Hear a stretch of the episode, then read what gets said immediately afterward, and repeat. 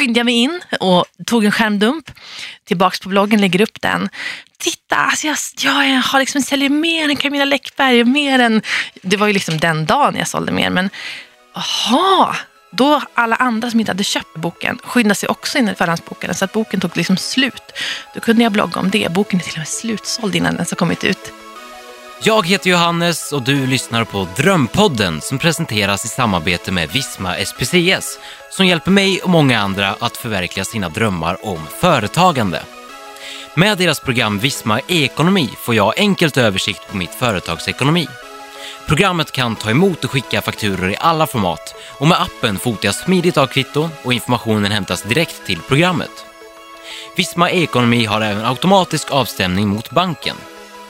Det här är helt enkelt en massa av smarta funktioner som gör att jag istället för att lägga för mycket tid på bokföring kan fokusera på det som jag tycker är roligast, som att stå här och prata med dig.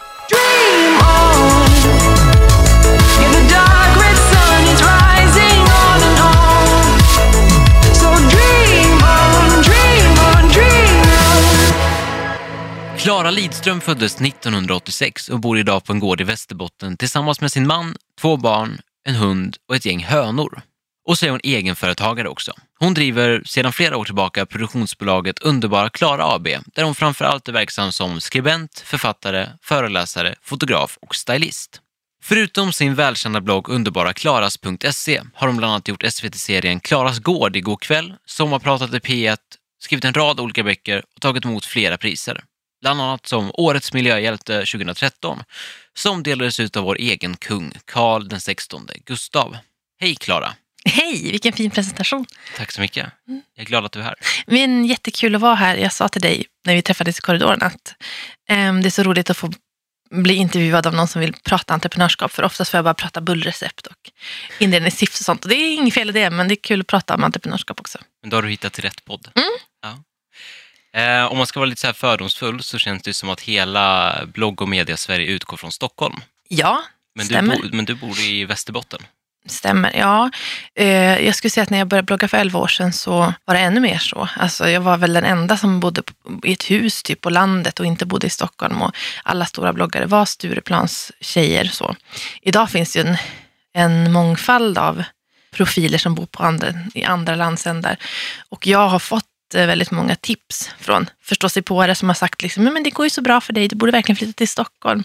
Jag har alltid tänkt att de inte har, kan inte ha läst bloggen, för hela grejen är ju att jag, att jag em, har ett utifrån perspektiv att jag inte är i den här smeten. Eh, men jag är gärna i Stockholm och jobbar ibland, men jag vill inte bo här. Det räcker liksom med en vecka i taget. Ja. Verkligen. Men du är född där också. Mm, jag är född i Umeå och em, för åtta, åtta, nio år sedan så flyttade vi ut på landet. Det var för att jag ville bo på landet och vi fick flytta ganska långt från Umeå för att vi hade inga pengar. Vi var liksom 20-årsåldern så att det blev ett skruttigt hus för 200 000 som vi hade råd med. Men sen har vi renoverat det och så har vi byggt upp steg för steg. Och det var också faktiskt när jag flyttade bloggen, eller när jag flyttade som bloggen exploderade för att ehm, eh, det finns ett stort intresse för lantliv och att odla och liksom en Ja, jag brukar kalla bloggen för landsbygdspornografi. Eh, att jag liksom visar det här eh, härliga lantlivet och att väldigt många drömmer om ett sånt liv, eller i alla fall drömmer om att då och då leva ett sånt liv. Och då ger jag dem det, fast i bloggform. Precis. Mm. Hur var det att växa upp i Umeå? Det var jättebra. Umeå är ju en stad med väldigt mycket alternativa människor. Väldigt där, rik kulturliv, väldigt mycket veganer och feminister och politiskt engagerade människor. Så att det var väldigt en miljö som fostrade väldigt mycket politisk medvetenhet. Eh, och det liksom premieras att man är eh, politiskt medveten och att man är alternativ. Det är snarare än att vara liksom hipp och rätt, ha rätt märkesväska och så. Så att Umeå tycker jag är en fantastisk stad att utgå från. Det finns ju också Sveriges Television och Sveriges Radio. Man kan liksom jobba med media eh, om man har när, närhet till Umeå. Man måste inte alltid vara till Stockholm, så det är bra för mig också. Vad drömde du om när du bodde i Umeå? Var det att jobba på Sveriges Radio? Eller? Nej, alltså jag, jag höll på med väldigt mycket musik. Jag, har, eh, jag sjöng och jag har liksom tänkt att jag skulle... Eh, det låter ju väldigt fånigt, men när jag läser gamla dagböcker från gymnasiet, jag gick musik, så var jag så åh, jag ska flytta till USA, jag ska bli, jag, ska, jag ville göra det Sara Larsson gör typ. um, och jag var helt inställd på att på något sätt kommer jag bli känd. Och så, nu, åh, jättefånigt att titta på, men jag var väldigt inställd på att jag skulle göra någonting publikt. Men då trodde jag att det skulle vara musik. Um, men sen så startade jag bloggen efter jag hade gått ut gymnasiet och alltid tyckt om att skriva också. Och sen blev det så himla stort och så kände jag, men ska jag bli journalist som jag hade börjat drömma om då? Eller ja, jag kanske ska söka en journalistutbildning och precis då fick jag jobb som journalist för att jag flyttade min blogg till vår lilla lokaltidning och då fick jag också en journalisttjänst där. Så sen har jag bara jobbat eh, med media på olika sätt eh, i, ja men eh, snart 12 år. Ja. Vad jobbar dina föräldrar med? Eh, Min mamma var sjuksköterska. Hon dog när jag var 21 och pappa eh, musiklärare. Så jag kommer från en väldigt vanlig familj. Så. Mm. Du valde en lite annan väg. Ja, precis. Det kan jag känna. Det är ju så när man bor, när man inte har några kontakter inom medievärlden och man bor på en, man bor på fel plats, man jobbar inte på tidningsredaktionen i Stockholm, man bygger liksom inte nätverk med andra journalister på det sättet, så det kan vara svårt att ta sig fram. Eh, och jag har, inga, jag har inte en enda entreprenör i hela släkten, alltså, verkligen inte. Och aldrig, alltså, jag tror att det var, var ju typ när jag var 22 jag förstod att det fanns något som hette aktiebolag. Alltså, jag var helt, eh, dels var jag teknisk analfabet, jag kunde knappt liksom, start, bifoga en fil eller starta min blogg, det var jättesvårt tekniskt. Och fotografera kunde jag inte, jag kunde ingenting om företag. Så att allt jag lärt mig har lärt mig i min egen skola som har varit bloggen och sen eh, min podd och sen jobba på tidning och sådär. Så att, göra böcker. Jag har lärt, liksom lärt mig längs vägen och haft eh, väldigt många eh, generösa personer som kan mycket om att fotografera eller skriva och så som har guidat mig och hjälpt mig. Kontakter är bra att ha. Det är ju det. Och det är, alltså faktiskt, det är ju, förut tror jag att det var mycket mer så i media att man kunde klättra på kontakter. Man kunde börja liksom längst ner på en tidning och så arbeta sig upp. Idag så, så har alla gått utbildningar och man har gjort praktik först innan man får ett jobb. Och alltså, ehm, så det är kul att eh, det fortfarande går att eh, liksom, göra karriär inom media fast på ett annat sätt. Så. Om vi kollar på din karriär, Mm. vad var det som gjorde att du från första början började med det här? Alltså jag har alltid tyckt om att dokumentera mitt liv. Alltså alltid skrivit dagbok väldigt noga. Och, um, I mina dagböcker så, liksom hela gymnasiet så skriver jag, börjar varje dag med att skriva haft på mig. Alltså så att jag hade som en form av blogg fast för mig själv. Alltså som en, det började som en modeblogg sen men jag märkte att jag höll på med det beteendet långt innan bloggandet startade. Jag skrev upp den där, hade jag på mig den här tröjan, de här byxorna och det här smycket till. Så att det var, jag ville liksom dokumentera mitt liv. Och sen kring 2006 så började det finnas bloggar i Sverige men det var inte så många. Eh, och de var ju väldigt, det var ju väldigt basic. Man fotade sig själv i en tandkrämsfläck i spegel och man skapade bort sitt huvud för man ville vara anonym. Och det var liksom, ingen kunde fota. Eh, texterna var ganska undermåliga men jag älskade att läsa bloggar. Jag tyckte det var jättekul men jag kände så här, men det här kan inte vara så svårt. Det här måste jag kunna göra också. Så då satte jag igång med det. Och sen så 2006, så, eftersom det inte fanns så många bloggare men ganska många bloggläsare så fick man ju väldigt mycket kommentarer och folk var väldigt bjussiga och länkade. Och i den där vevan så började också, ja men, Ebba var ju chefredaktör på Expressen Fredag om jag inte minns fel och Sofie Farman på Aftonbladet, eh, modetidning, modebilaga. Så började de lyfta influencers mer och mer och då förstod jag liksom, jaha, men det här kanske kan vara en väg till att ehm, eh, få en plattform i offentligheten. Det låter, jag känner själv, jag skäms att säga det, för det känns, som, det känns som att, ungefär som att vara med i Big Brother för att bli känd. Alltså, vad, vad ytligt att det var ett mål, men jag har nog alltså, aldrig drivits av att tänkt att ja, men jag vill ha en plattform, jag vill nå ut. Liksom. Så. Så, och då var det så, att bloggarna var ju liksom det nya heta, så de, tidningarna plockade upp det mer och mer. Och sen så ja, kom jag i kontakt med journalister och en journalist som intervjuade mig. Vi började dela frilanskontor och hon var, hette Erika Dahlgren och var radioproducent. Så hon pitchade idén till P4 Västerbotten om att göra ett pysselprogram eh, som vi gjorde hemifrån mitt kök och det blev 70 avsnitt. Det blev jättepopulärt i, i P4 Västerbotten. Det gjorde att vi fick göra Husmorsskolan i P1 som var vet, också väldigt populärt tre säsonger. Ehm, och då efter Husmorsskolan i P1 så fick jag frågan om att sommarprata.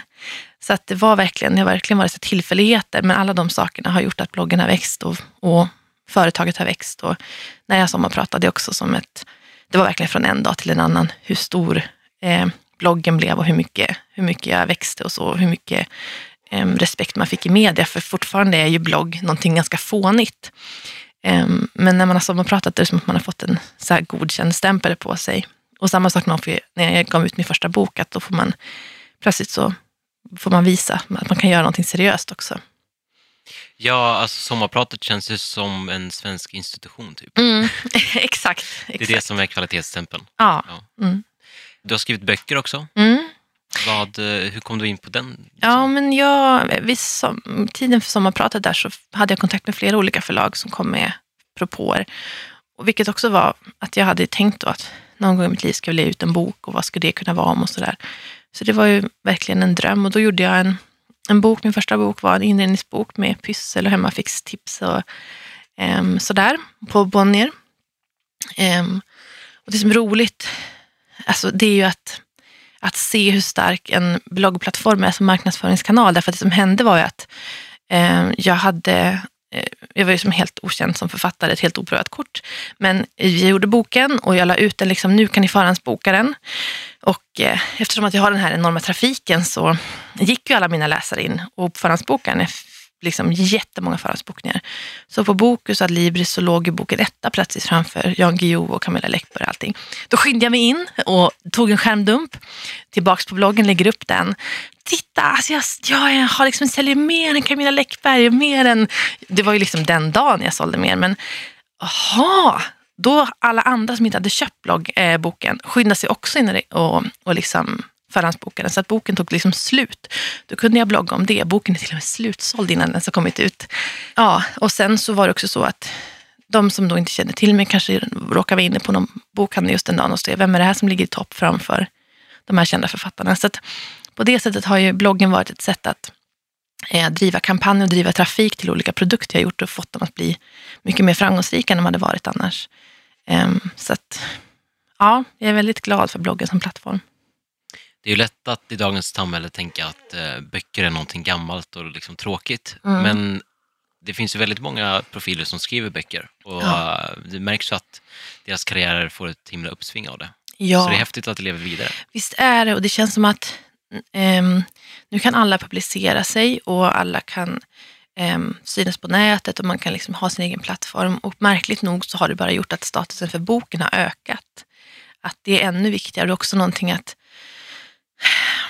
att få någon annan få en förlags godkänd stämpel är som ett, kvalitets, ett kvalitetsmärke. Och på något vis så får man hela tiden som, som influencers kämpa mot fördomar om att man är oseriös och korkad. Och, eh, men eh, när man då har fått eh, ett förlag eller Sveriges Radio eller någon säger att du är bra, du får vara med, då är det som ett stamp of approval att du, du funkar. Ehm, men sen tror jag att det är, en sån, det är en sån sak som gör att folk blir väldigt provocerade därför att tidigare har man varit tvungen att ha en förläggare eller en redaktör eller en eh, producents godkännande för att få stå på en scen eller vara i en tidning. Och plötsligt kommer en hel generation, framförallt unga kvinnor som eh, kanske outbildade, de kanske inte skriver bra, de liksom lägger upp fåniga filmer på sig själva på Youtube eller skriver fåniga blogginlägg som, om ytliga, dumma saker. Och plötsligt har de liksom flera hundratusen följare och mer, mer liksom reach än Expressen. Det är klart att det provocerar att folk tycker, liksom, vad är det här för trams? Eh, men jag tycker det är spännande att fundera på vad som händer med samhället när vi nu har en ung generation, framförallt kvinnor som kommer ur bloggvärlden, Eh, men också nu Youtube och alla andra kanaler, som får öva sig på att publicera sig, alltså skriva. Det är ju liksom ofta respekterade saker man ägnar sig åt. Man övar sig på att skriva och kanske fota. Det är ju två respekterade yrken i andra sammanhang. Um, och sen övar man sig också på att ta kritik. Man övar sig på att liksom hantera 200 000 arga läsare som har synpunkter på en. Man lär sig också om företagande. Um, vad, händer med den, vad händer med samhället när det kommer ut ganska många sådana unga kvinnor? Jag tänker att det är en väldigt positiv utveckling. Att här kommer det väldigt många tuffa, företagsamma unga kvinnor helt enkelt. Verkligen, och du är en av dem. Mm. Eh, du eh, sa i en intervju på entreprenörskap.se att eh, du nästan lite motvilligt startade ditt företag från första början. Mm. Var det för att, eh, alltså såg du dig själv som en entreprenör från början eller var det Nej. bara ett nödvändigt? Absolut, det var verkligen bara ett nödvändigt ont och jag, jag jobbade ju som journalist och fick betalt för att blogga också. Men till slut blev det så stort, jag fick så mycket frilansförfrågningar så, så jag kände jag måste starta ett företag. Jag sitter med värsta rörelsen på händerna men, Men ehm, jag kan liksom inte, jag kan inte skicka faktura.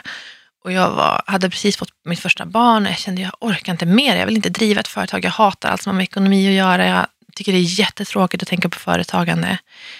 Så att det var liksom svårt men, och motvilligt och jag hade ingen att fråga om hjälp. Men jag eh, gjorde det och sen så har jag upptäckt nu att eh, jag är en kreativ person och i början här var det, kom den kreativiteten ut genom foto och text och så. Och kanske att jag pysslade saker och skapade recept och sånt. Idag kommer den kreativiteten ut väldigt mycket i mitt företagsbyggande som entreprenör. Nu tycker jag att det är liksom entreprenörskapet som är det roligaste. Och jag tänker att även om jag skulle lägga ner bloggen så kommer jag alltid vara entreprenör. Jag kan inte tänka mig att ha ett vanligt jobb eller eh, en fast tjänst, utan jag kommer alltid på ett eller annat sätt driva företag, även om jag skulle sluta blogga eller så. Har du någon milstolpe som, eh, som du särskilt kommer ihåg där du insåg att det här är någonting som jag kan leva på? Nej, för det kom så successivt. Jag startade företaget och sa upp mig från journalisttjänsten. Då levde jag på mammapeng och då var det verkligen så här, marknaden var väldigt omogen. Det var inte van, vanligt att man annonserade hos influencers. Så alla, alla som annonserade ville bara ha bannerreklam. Alltså sponsrade inlägg var ju liksom unheard of. Um, idag är det tvärtom. Men det var som successivt att jag upptäckte att ja, men jag kanske får in lite pengar. Och mitt första bokslut, så jag tyckte att jag harvade mig fram, visade ändå på en omsättning på 1,2 miljoner. Och, um, jaha, okej, men nu gick det här första året, men hur kommer det gå nästa år då? Alltså jag har hela tiden känt så, är nästa år året det slutar? Eh, men det har inte blivit så, utan det har kunnat liksom fortsätta växa. Det är häftigt att kunna bygga något på, på sin egen kunskap. Liksom. Ja, och det, har jag, det, har jag, det tänker jag ofta liksom att man kan ju bli väldigt, som entreprenör kan man ju känna, man kommer på saker, idéer, affärsidéer, kan man känna, åh nej, bara ingen snor den här. Jag har varit med om att jag har samarbetat med folk som har tagit mina idéer. Och då tänker jag alltid bara, men ta idén då. Jag kan komma på en ny, det går, ni kan aldrig sno min hjärna. Eh, och det tror jag som entreprenör eller kreatör att alltid Visst, det är viktigt att tjäna pengar, och så här, men det är också jätteviktigt att fortsätta få hjärnan att växa. Eh, och hela tiden på olika sätt, alltså läsa kurser, utbilda sig, gå på föreläsningar, ta del av kultur, alltså vad man nu behöver för att man ska känna att man fortsätter växa, så att man, den här hjärnan som kom på de här bra idéerna kan fortsätta producera bra idéer.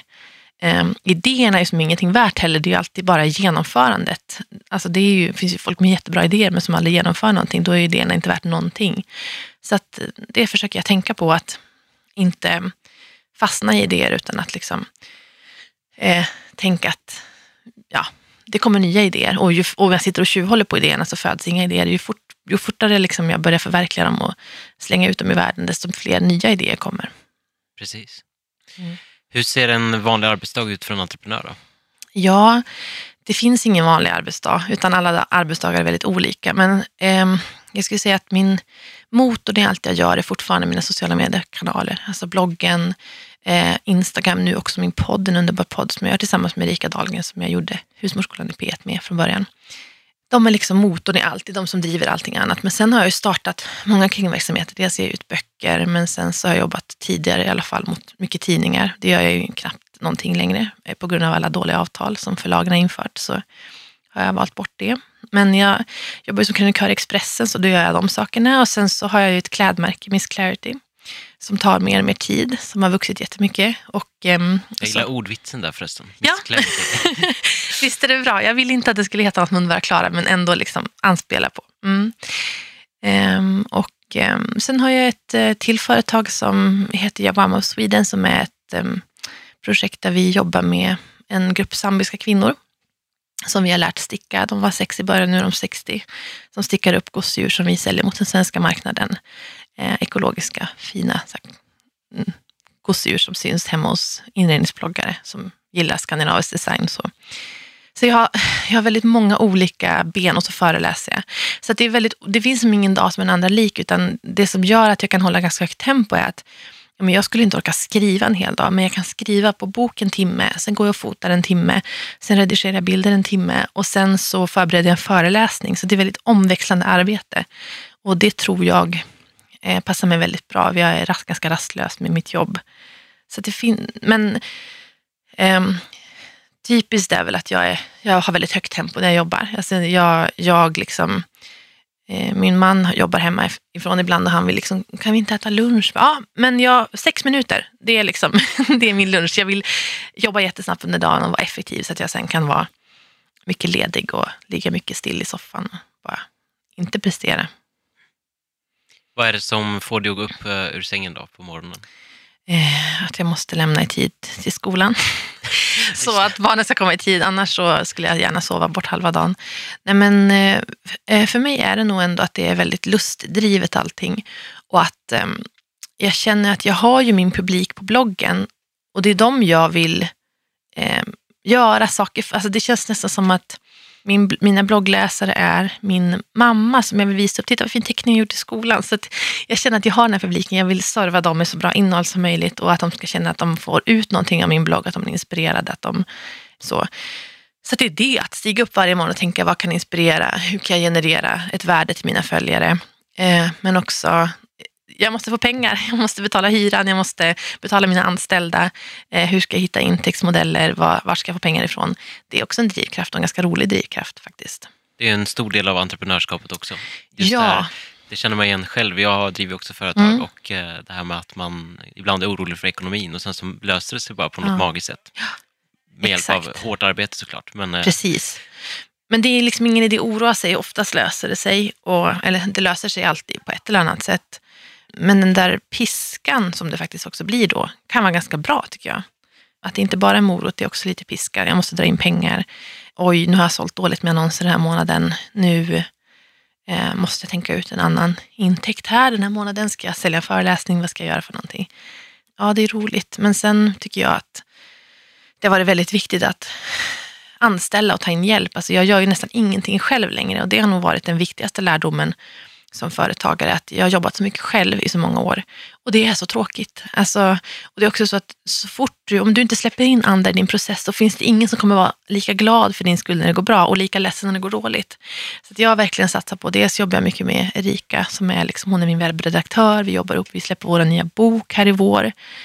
Eh, Hjälper jag utmattad heter den boken, kommer ut på Nordstedts i april, jag har sagt det. Men liksom, och det är först när man släpper in någon i en process som, ja, men hon, för henne är det lika viktigt att det går bra som för mig.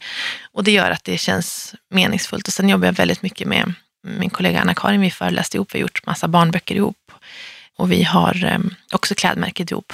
Och det är samma sak där, att ja, alltså det är kanske dumt att göra en bok med med någon, för du får ju dela på intäkterna. Men du delar också på arbetet och, del, och, du, och du får dela på äran. Kanske om man är liksom inte vill dela på äran, vill ha all ära själv. Så. Men då får man ju också, man har ju ingen att dela glädjen med. Så att jag satsar väldigt mycket på att hitta bra samarbeten och jag jobbar nästan bara med kvinnor.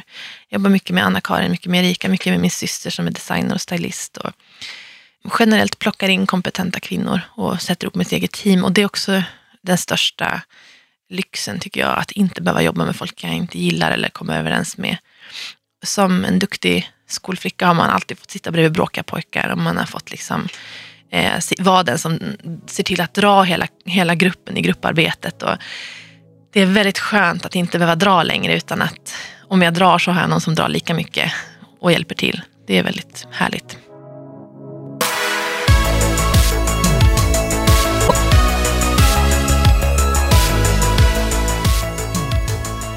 Och I den här intervjun med eh, entreprenörskap.se så skrev du att, eh, eller skrev, du sa att eh, du bara umgås med företagare nästan. Det har verkligen blivit så. Och som jag sa, jag har inte haft några företagare i släkten och jag visste ingenting om företagare, jag vill inte bli företagare. Men, men nu är nästan alla mina kompisar företagare. Många har startat företag för att kunna hålla på med det de vill och jag har lärt känna många företagare. Och det man... Alltså jag kan, på ett sätt tycker jag att entreprenör är ett ganska äckligt ord, för det blir som så, ja jag vet inte, liksom, jag vet inte, det känns som så, Uppblåst. Ja, precis. Och lite sådär att, eh, att allt handlar om pengar och business. Och så. Entreprenörskap har ju, har ju väldigt många mm, värderingar som följer med, eller liksom tankar om vad det är.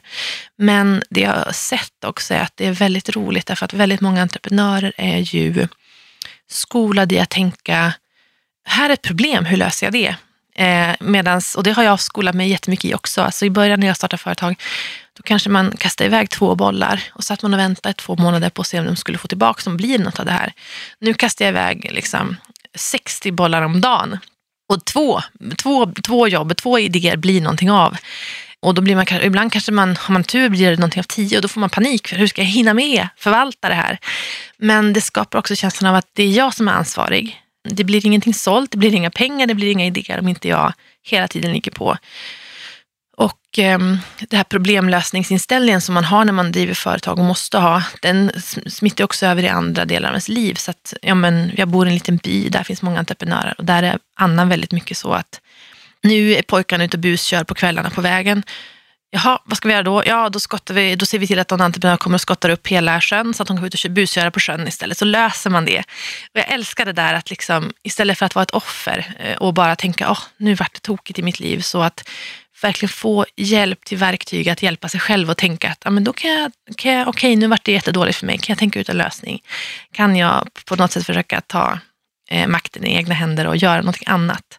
Så det är väldigt kul att vara kring entreprenörer för de är skolade i det tänket. Många som är entreprenörer känns ju som eh, potentiella liksom utbrändhets... Eh, liksom sådär. Man jobbar på för hårt kanske. Mm. Eh, och den här boken som du pratade om, Hjälp, jag är utmattad, Mm. som du släpper i april, Mm.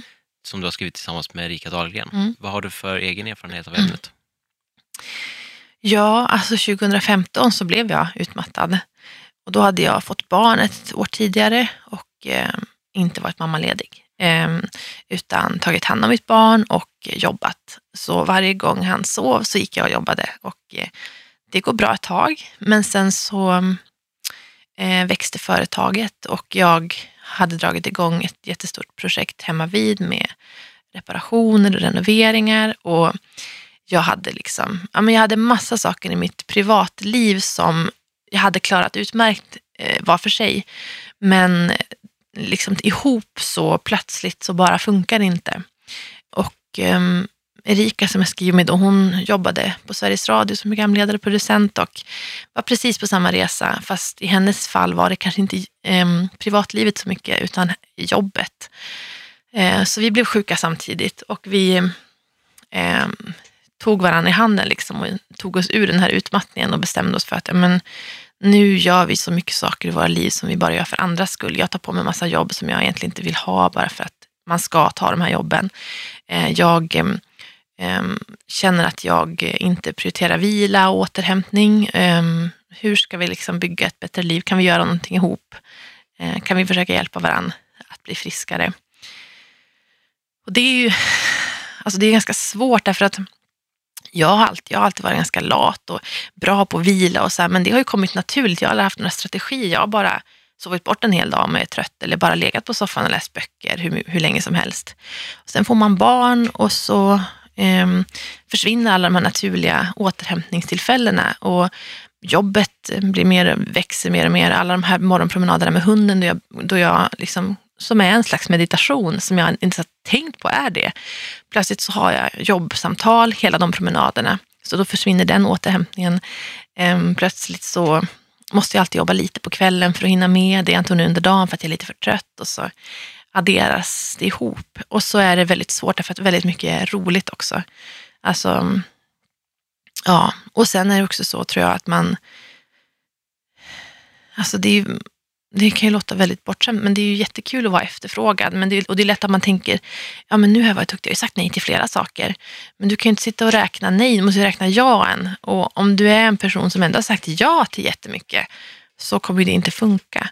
Så att det var som en, det var ett eh, fruktansvärt år av liksom, eh, utmattning, av eh, eh liksom depression, eh, väldigt mycket panikångest och samtidigt skulle jag hålla bloggen igång och kände att jag orkar inte berätta för mina läsare nu om vad jag går igenom. Jag måste bara hålla skenet uppe tills jag mår lite bättre. Eh, och, och psykologen sa liksom, men du måste sjukskriva dig. Det finns ingen som är så sjuk och jobbar. Och jag kände bara, men eh, om jag tar bort jobbet, om jag, om jag inte bloggar, okej okay, jag bokar av allt som är utom bloggen, men jag, om jag inte får blogga då det är någonting som också ger mig så mycket glädje och får mig att känna att jag har uträttat något på dagen och att jag har kontakt med mina läsare. Så att jag fortsatte ändå. Jag tror att det var det som gjorde att jag blev frisk till slut. Att jag, för att jag var entreprenör så kunde jag styra min arbetssituation så att jag kunde välja bort de jobbigaste sakerna och styra, lägga upp det som jag ville. Um, och utan att liksom, men på en vanlig arbetsplats kanske man hade varit tvungen att sjukskriva sig helt och sen komma tillbaka helt. Alltså det, det finns ju lite flexibilitet på många vanliga jobb. Så att jag, ja, jag, det tog ungefär ett år ehm, och sen så var jag liksom eh, bättre från utmattningen, men då var jag deprimerad, insåg jag.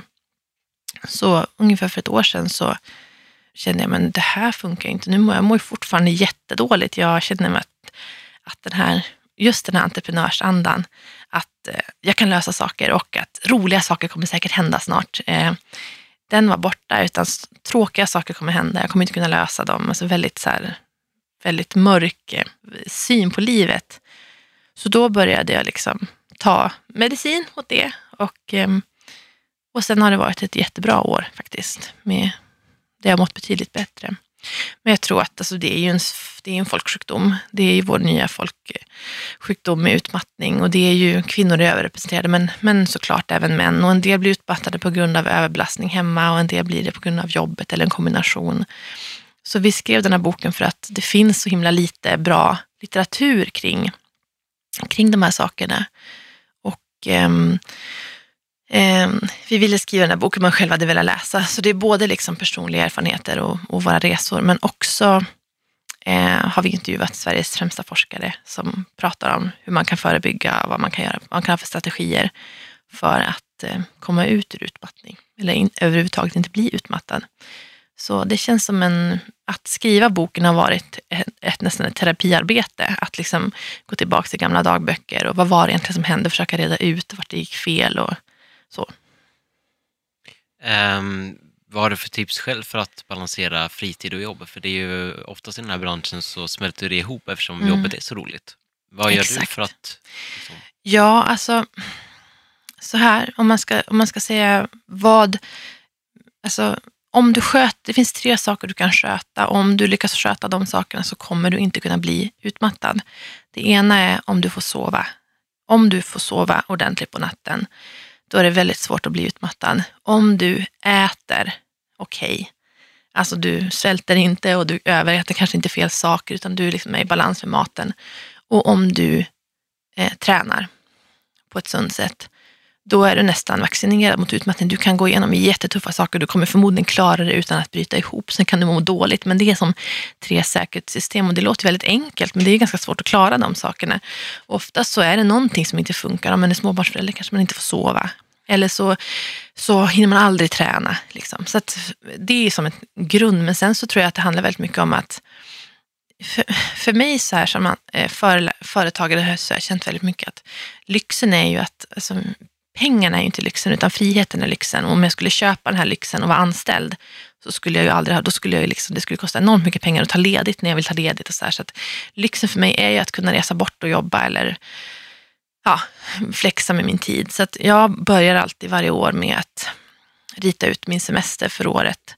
Och jag brukar vilja ha 12 veckors semester utspritt över året. Så det låter ju väldigt mycket, men då jobbar jag under min semester med bloggen. Jag är ju aldrig ledig från de sakerna, jag måste ändå ha koll på mejlen och så. Men 12 veckor när jag inte behöver göra, liksom, när jag, när jag bara behöver sköta min blogg egentligen och min mejl. Och att också tänka på träningen, för det har varit det som har varit svårt för mig att prioritera. Att man liksom man tränar inte och sen så blir man stressad och det sätter sig i kroppen, man får ont och så känner man sig, så jobbar man mindre effektivitet i jobbet och sen så, Eh, så hamnar man efter och så blir man, hinner man verkligen inte träna för man ligger efter. Så för mig har det varit att tänka på träning faktiskt och kost som att tänka på vikten. Är, det, fun- det är en jättedålig motivation. För vad ska du göra när du har nått den där vikten du ville ha? Vad ska du sluta träna? Alltså, Däremot att tänka att nu har jag ett så roligt liv jag har så roliga jobb och ska jag orka det här, då måste jag ta hand om mig själv. Jag måste se till att jag äter bra, att jag sover och att jag rör på mig, för annars så kommer jag inte få göra de här roliga sakerna och det har varit min bästa morot. Det är jättesvårt, alltså det är jätte, jättesvårt. Det är ju inte för inte att så många blir sjuka och jag tror att många blir sjuka när de är passionerade kring någonting. Men det man kan se också med utmattning är att många, många blir sjuka när man, när man inte kan påverka sin livssituation. Det blir man sjuk av. Så därför är jag väldigt eh, försiktig med att bygga in mig i företagande på ett sätt som gör att jag känner mig ekonomiskt, väldigt ekonomiskt pressad eller uppbunden. Att jag inte kan resa bort, att jag inte kan vara ledig, att jag inte kan stänga av mejlen och fara till en stuga i skogen en helg och sådär. Jag vet inte, inte alls om det var svar på din fråga. Jo, Jag svarar på en helt annan fråga. Nej, men absolut.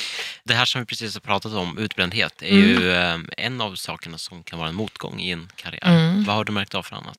Ja, alltså det var ju, det tycker jag är det svåra när man är, är för, företagare. Jag har ju knappt tagit ut någon mammapeng, jag har knappt tagit, jag tog inte, jag sjukskrev mig inte. Därför att det är så eh, oflexibelt, våra system kring försäkringar, kring eh, så. Så att om man, du vill driva företag och jag hade inte kunnat få ut några pengar från Försäkringskassan och fortsätta blogga till exempel. Så därför har jag bara struntat i allt sånt och löst det själv. Det blir ju såklart väldigt kostsamt för att det är jag som, jag tog ju min egen företag, liksom gick ner i intäkter, gick ner i inkomster för att eh, bli frisk. Den har jag ju som, det, det har jag ju betalat i mitt eget företag. Samtidigt så kände jag att jag gör hellre det än att, eh, när jag nu är så privilegierad att jag kan göra så, än att bråka med Försäkringskassan och försöka övertyga dem om hur jag jobbar och så. Så att, ehm, Det tar mer energi än att lägga Ja, tiden på att ja, göra det själv. mm, så är det. Har du någon dröm som har krossats? Eh, måste jag tänka efter.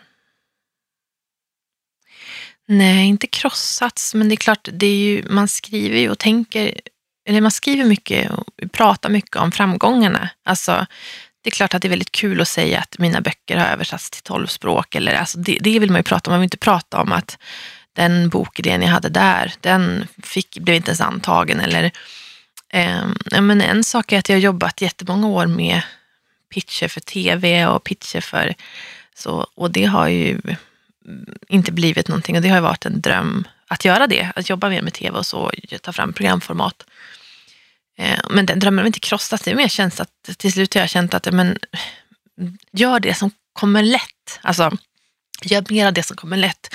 Bränn inte allt krut på att försöka värva en kund som inte är intresserad eller få ett jobb där, som du kanske inte är riktigt kvalificerad för eller eh, där din profil inte passar in eller vad det nu kan vara. Hitta istället sätt att göra det du vill själv. Så att jag känner mer och mer att jag är, jag tänker på Underbara Klara som ett eh, mediehus i miniformat.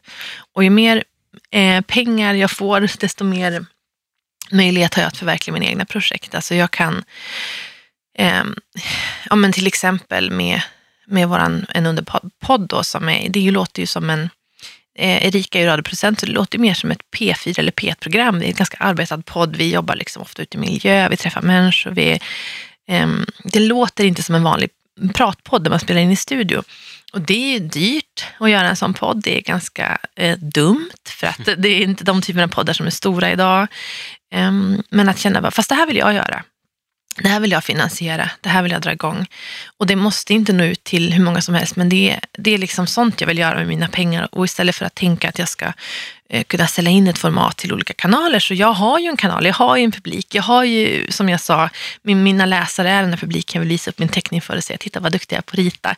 Så jag vill hellre göra saker för dem, jag vill göra poddar för dem, jag vill göra YouTube för dem, jag vill jobba med min publik och få den att växa istället för att hela tiden tänka att jag ska jobba med ett stort, annat stort mediehus eller ett annat stort företag som kanske i slutändan kommer att begränsa min frihet. Och det tror jag, jag tror att det är verkligen i framtiden. Om du kollar på influencers, att, ja men att Sen när jag började blogga har man pratat, är bloggen död, är bloggen död? Men, men den dör ju inte därför att då har man missförstått vad bloggen är. Bloggen är inte en teknisk funktion, bloggen är relation. Jag kommer aldrig sluta följa de bloggare jag har följt i tio år. Jag vill ju veta hur det går med deras IVF-behandling och deras äktenskapskris och deras barn som är sjuka. Och det är vänner till mig, känner jag, när jag följer dem. Ehm, men jag tror i framtiden att jag tror att eh, eftersom Facebook och Instagram och alla håller på att skruva på sina algoritmer och YouTube och vi ser liksom stora profiler som Therese Lindgren och sådana som, som uttrycker att de inte längre får så mycket visningar som de har haft. Jag tror, att, jag tror att bloggen som format, vi behöver inte kalla det blogg, men att ha en egen plattform, det är bara viktigare och viktigare. Därför att det är det enda stället där du kan styra över flödet, när och hur läsarna tar till sig informationen, hur du lägger upp den. Så jag tror att vi kommer se allt fler Instagrammers och Youtubers och profiler som, som bygger egna plattformar som, där de samlar allt material de, gör i andra, material de gör i andra kanaler. Och jag tänker också att vi kommer se fler eh, av de här traditionella, med, alltså, traditionella tv-programledare och profiler så, som också måste jobba med en plattform. Därför du är så utbytbar idag. om inte TV4 vill ha dig i Nyhetsmorgon så tar de en annan bara. Eh, Men om du däremot har ett starkt following, du har stor på Instagram, du har en, en blogg, du har en podd som är stor, då har du mycket högre relevans och du kan liksom eh, mycket större makt. Och du har också en egen publik, en egen plattform. Så du är inte så beroende av TV4 eller SVT eller vad det nu är, utan du har en egen plattform. Så det tror jag vi kommer se jättemycket. Och jag tror att eh, de, som, de som kommer vara framgångsrika, de som lyckas liksom ehm, knyta trogna fans till sig och inte får sina kanaler att handla om dem. Alltså det är ju fortfarande så väldigt mycket att det är så här, det här åt jag till frukost, det här åt jag till lunch, så här ser jag ut idag. Men mer och mer ge en tjänst till sin läsare. Alltså, här är receptet på vad jag åt till frukost. Här är länken till det jag köper det. Jag har till och med en rabattkod till er. Jag eh, hela tiden ger ett värde till sina följare. Så att jag tror att det kommer krävas mer och mer av programledare och profiler och alla författare att tänka på sig själv som små mediehus och tänka på vilka plattformar ska synas på och hur de kan ha makten över dem och också hur i mina plattformar kan jag ge något till mina läsare? Hur kan jag ge ett värde? Ja, men jag vet, I mitt fall handlar det om att jag vet att mina läsare vill ha bilder på lugna, vackra miljöer. Då ger jag det. De vill ha inredningstips. Då, vill, då ger jag väldigt konkreta tips. De vill ha recept. De vill lyssna på en mysig podd när de sitter på bussen på morgonen. Då ger jag dem det. Så att, att liksom jobba som mot en vanlig kund helt enkelt. Mm. Och trivs du bra i ditt eget mediehus? Är du nöjd med vad du är idag? Alltså, jag är väldigt, jag är inte nöjd så tillvida att jag känner nu är jag framme. Absolut inte. Det hoppas jag aldrig att jag kommer fram. Jag vill, tänker att det roliga är hela tiden att, fundera på hur man kan utvecklas. Men jag är väldigt nöjd med att jag eh, har eh, tagit in hjälp, att jag har en webbredaktör som hjälper mig att bolla saker, som, som hjälper mig att se bloggen som något större än en, en liten blogg där jag pratar om min frukost. Så. Och det är väldigt roligt att jag kan se att trots alla de här nya funktionerna och trots alla nya influencers och allting så håller bloggen fortfarande. Den har väldigt mycket läsare och eh, väldigt trogna läsare och att möjligheterna till intäkter på bloggen har ju ökat. Alltså, under några år låg jag på Amelia. Innan den perioden hade jag ett eget säljteam och nu efter Amelia, där flyttar bloggen därifrån, så har jag ett eget säljteam på tre personer som jobbar ja, som jobbar väldigt mycket med att sälja till min blogg. Och under de här åren jag låg på Amelia så var det verkligen som att hela medielandskapet förändrades. När jag kom tillbaka och skaffade eget säljteam igen så var marknaden mer mogen. Så det tycker jag är en stor skillnad. Vad drömmer du om idag? Ja, men jag drömmer ju om att göra mer och bättre av allt jag gör redan nu. Ehm, jag har jobbat skämma själv i min ateljé i jättemånga år, så nu i år har jag startat ett, ehm, en studio inne i stan i Umeå. Vi får tag i en jättefin gammal lokal, jag och Anna-Karin. Vi har plockat ihop liksom de bästa kreatörerna. Det finns så mycket bra kreatörer i Umeå. De bästa illustratörerna, fotograferna, eh, producenterna, projektledarna. Alla som sitter, vi har plockat ihop ett team. Liksom. Eh, de är inte anställda av oss, men vi jobbar åt varandra. Så tanken är att vi ska sitta ihop och ge, generera jobb till varandra, men också bara pepp och eh, att det ska finnas, vi ska ha kollegor, men, men liksom, så att vi inte alla sitter på vår kammare och jobbar. Jag har ju också, mina företag växer så jag känner mer och mer att jag skulle behöva folk som snabbt kan göra form, layouta saker och snabbt kan eh, paketera saker ljudmässigt eller film eller så. Så att för mig är det en enorm glädje att känna att jag nu kan plocka in folk som jag tycker är bra, lyfta dem, använda dem i mitt eh, företagande och liksom hjälpa dem fram. Och inte jobba själv hela tiden. Så att för mig handlar det om att bara utveckla mer, mer böcker, kanske ta makten mer över hur de ges ut och hur de ser ut och sådär. Men göra mer av det jag gör nu helt enkelt.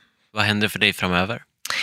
Ja, men i år så, så ger jag ut eh, två böcker. Först ger jag ut Hjälp jag är utmattad i vår och sen i höst kommer sista delen i vår barnbokserie som har kommit ut, är det sjunde delen nu, som är Gör det själv-böcker för barn som har då översatts till massa språk och har faktiskt blivit en, en succé. Alltså det, det, det, det gjorde jag absolut inte för att jag trodde att det skulle vara ekonomiskt lönsamt, utan för att det var ett hjärteprojekt. Men det har funkat väldigt bra. Så nu kommer sista avslutande boken som är liksom grand finale. Det är liksom en, den, är, den ser lite annorlunda ut, så det ska jag göra på bokfronten. Sen kommer jag eh, fortsätta med podden och jag kommer fortsätta med bloggen och sen så kommer det fler nya kollektioner från Miss Clarity och Javama Sweden.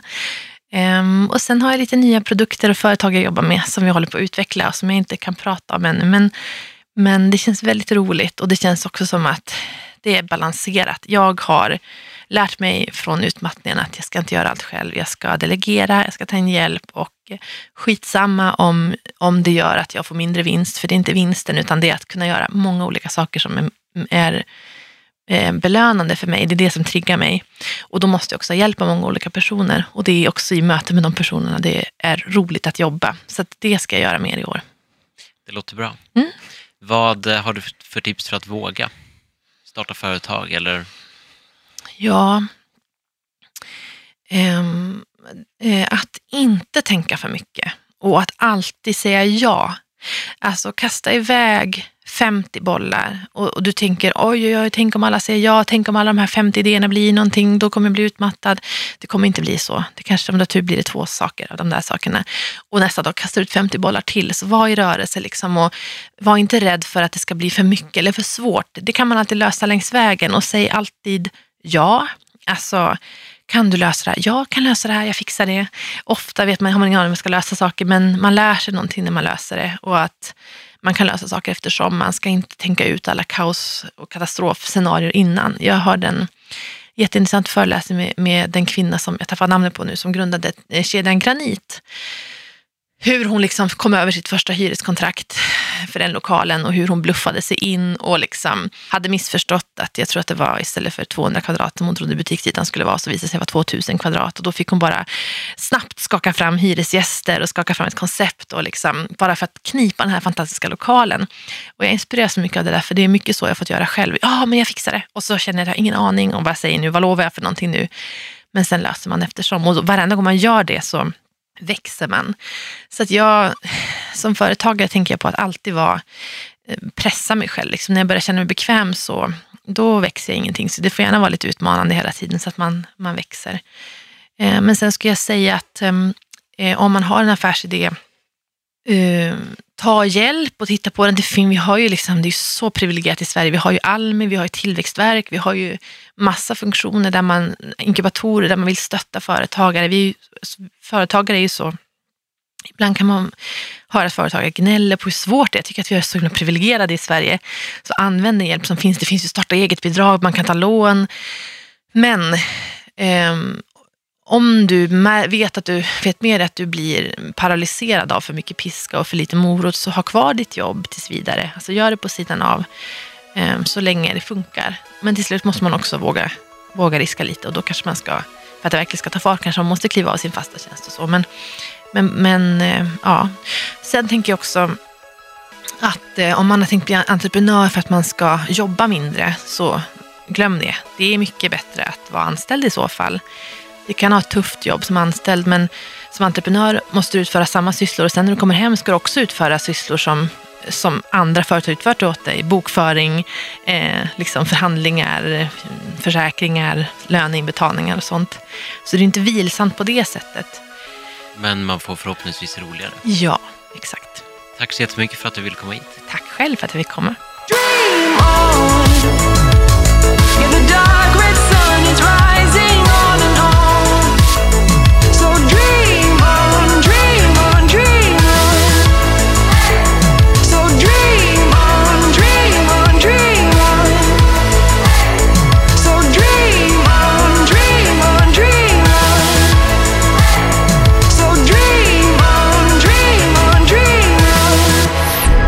of I Like Radio.